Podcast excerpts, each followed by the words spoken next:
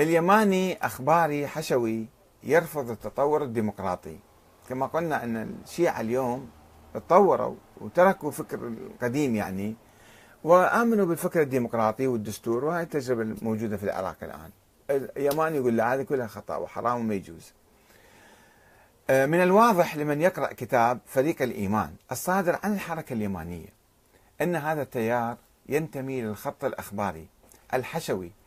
الذي يعتمد في تفكيره على أحاديث مشكوك فيها أو أخبار أحاد موضوعة أو مصادر روائية ضعيفة جدا مثل غيبة النعماني وغيبة الطوسي. مو مثل مثلا حتى مثل الكافي. أو تأويل أحاديث قديمة في زمن الإمام الباقر لتنزيلها على اليماني أحمد الحسن. ويضيف إلى الأخبارية أمورا لم يعرفها حتى الأخباريين. وهي دعوى الانتماء النسبي للإمام المهدي الغائب بحكايات واهية جدا وسخيفة جدا ويحاول الوقوف في وجه التطور السياسي الحاصل عند الشيعة سواء في اتجاه نظرية ولاية الفقيه المطلقة في الجمهورية الإسلامية الإيرانية أو في اتجاه النظام الديمقراطي في العراق. ويحاول القفز على نظرية الانتظار السلبي للإمام المهدي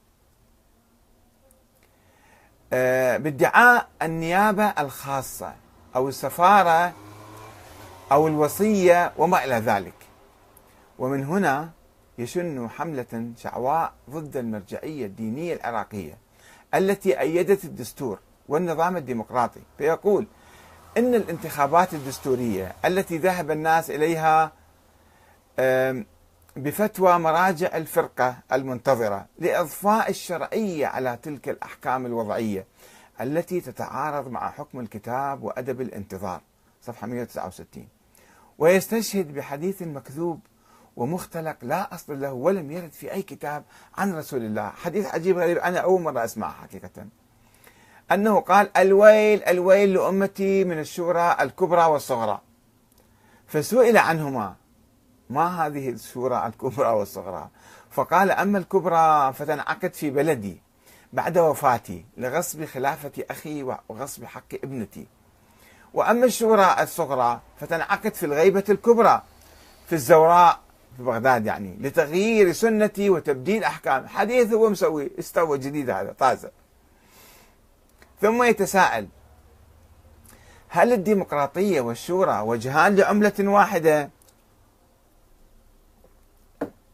ويجيب لا أقول إنهما وجهان لعملة واحدة وإنما أقول وجه واحد له لفظان مترادفان شورى وديمقراطية. وإن كان ثمة فرق فهو في السعة في الديمقراطية لأنها تتعدى إلى الأحكام والضيق في الشورى لأنها تقتصر على الأحكام أو على الحكام.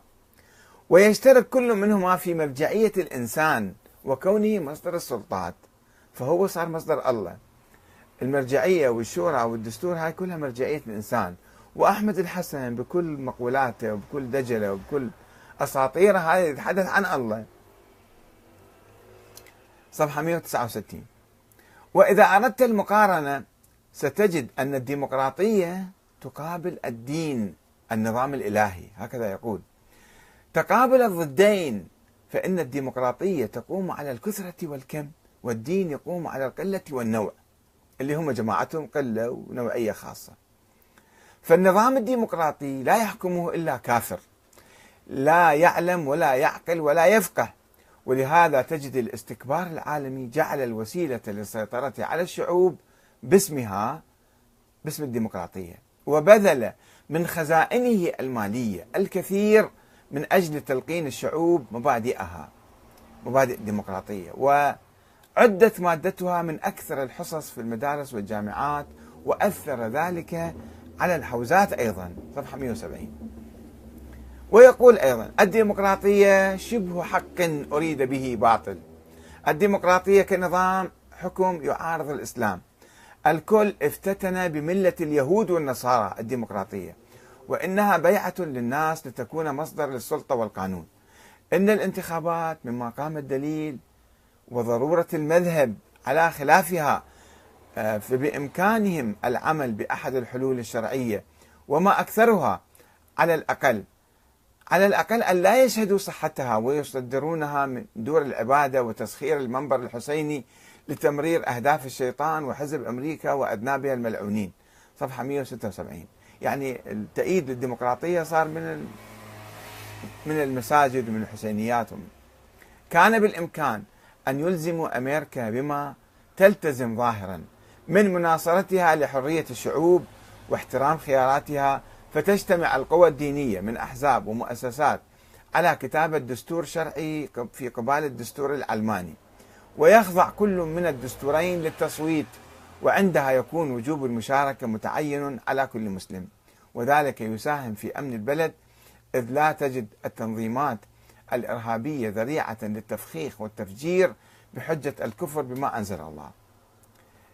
أن شبهة الإسلام لا يعارض الديمقراطية جاء بها الليبراليون المتأسلمون وخدعوا الناس بعدم التفريق بين الديمقراطية ومبادئ الديمقراطية العدل والحرية والسلام والمساواة لأنها مبادئ لا شك أن الإسلام دعا إليها ولكن بآلية تقف على الضد من الديمقراطية. أنا أنقل لكم نصوص من عنده.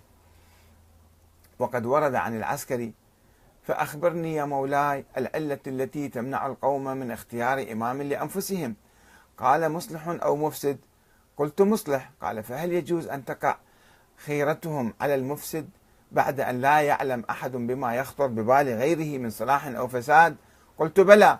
قال فهي العلة التي أورد أوردها لك ببرهان يثق به عقلك يعني الديمقراطية والشورى والاختيار. الناس يختارون الإمام هذا ما يجوز لازم الله يعينهم إياه. والله سمعين الإمام المهدي عين هذا صاحبنا أحمد اليماني. كما ينقل عن بحار الأنوار جزء 52 صفحة 84 والرواية كما ترى نص في منع الانتخابات. كما أن الديمقراطية لم تحقق أي منها السلام السلام مفقود والظلم متفشي والحرية مفقودة والمساواة مسحوقة. 178 إن راية رسول الله على الضد من ذلك لمعنى البيعة لله لا للناس. فهو رافع الراية وتعالوا بايعوني إلي وأنا أمثل الله في الأرض. ولا يحق لأحد أن يرفع البيعة لله ما لم يكن متصلا بالإمام عليه السلام لأن مضمونها يعني البيعة له للإمام باعتباره وكيلا عن الله في شراء نفوس الخلق. يعني هو صار وكيل الإمام المهدي المهدي عن الله فهو صار وكيل الله في الأرض. إن المهدي ينادي البيعة لله وهي تعني الإعلان عن إبراز الإمام خيارا إلهيا وكتاب الله دستورا دوليا وحرمة الانتخابات وتحذير الناس منها. صفحة 173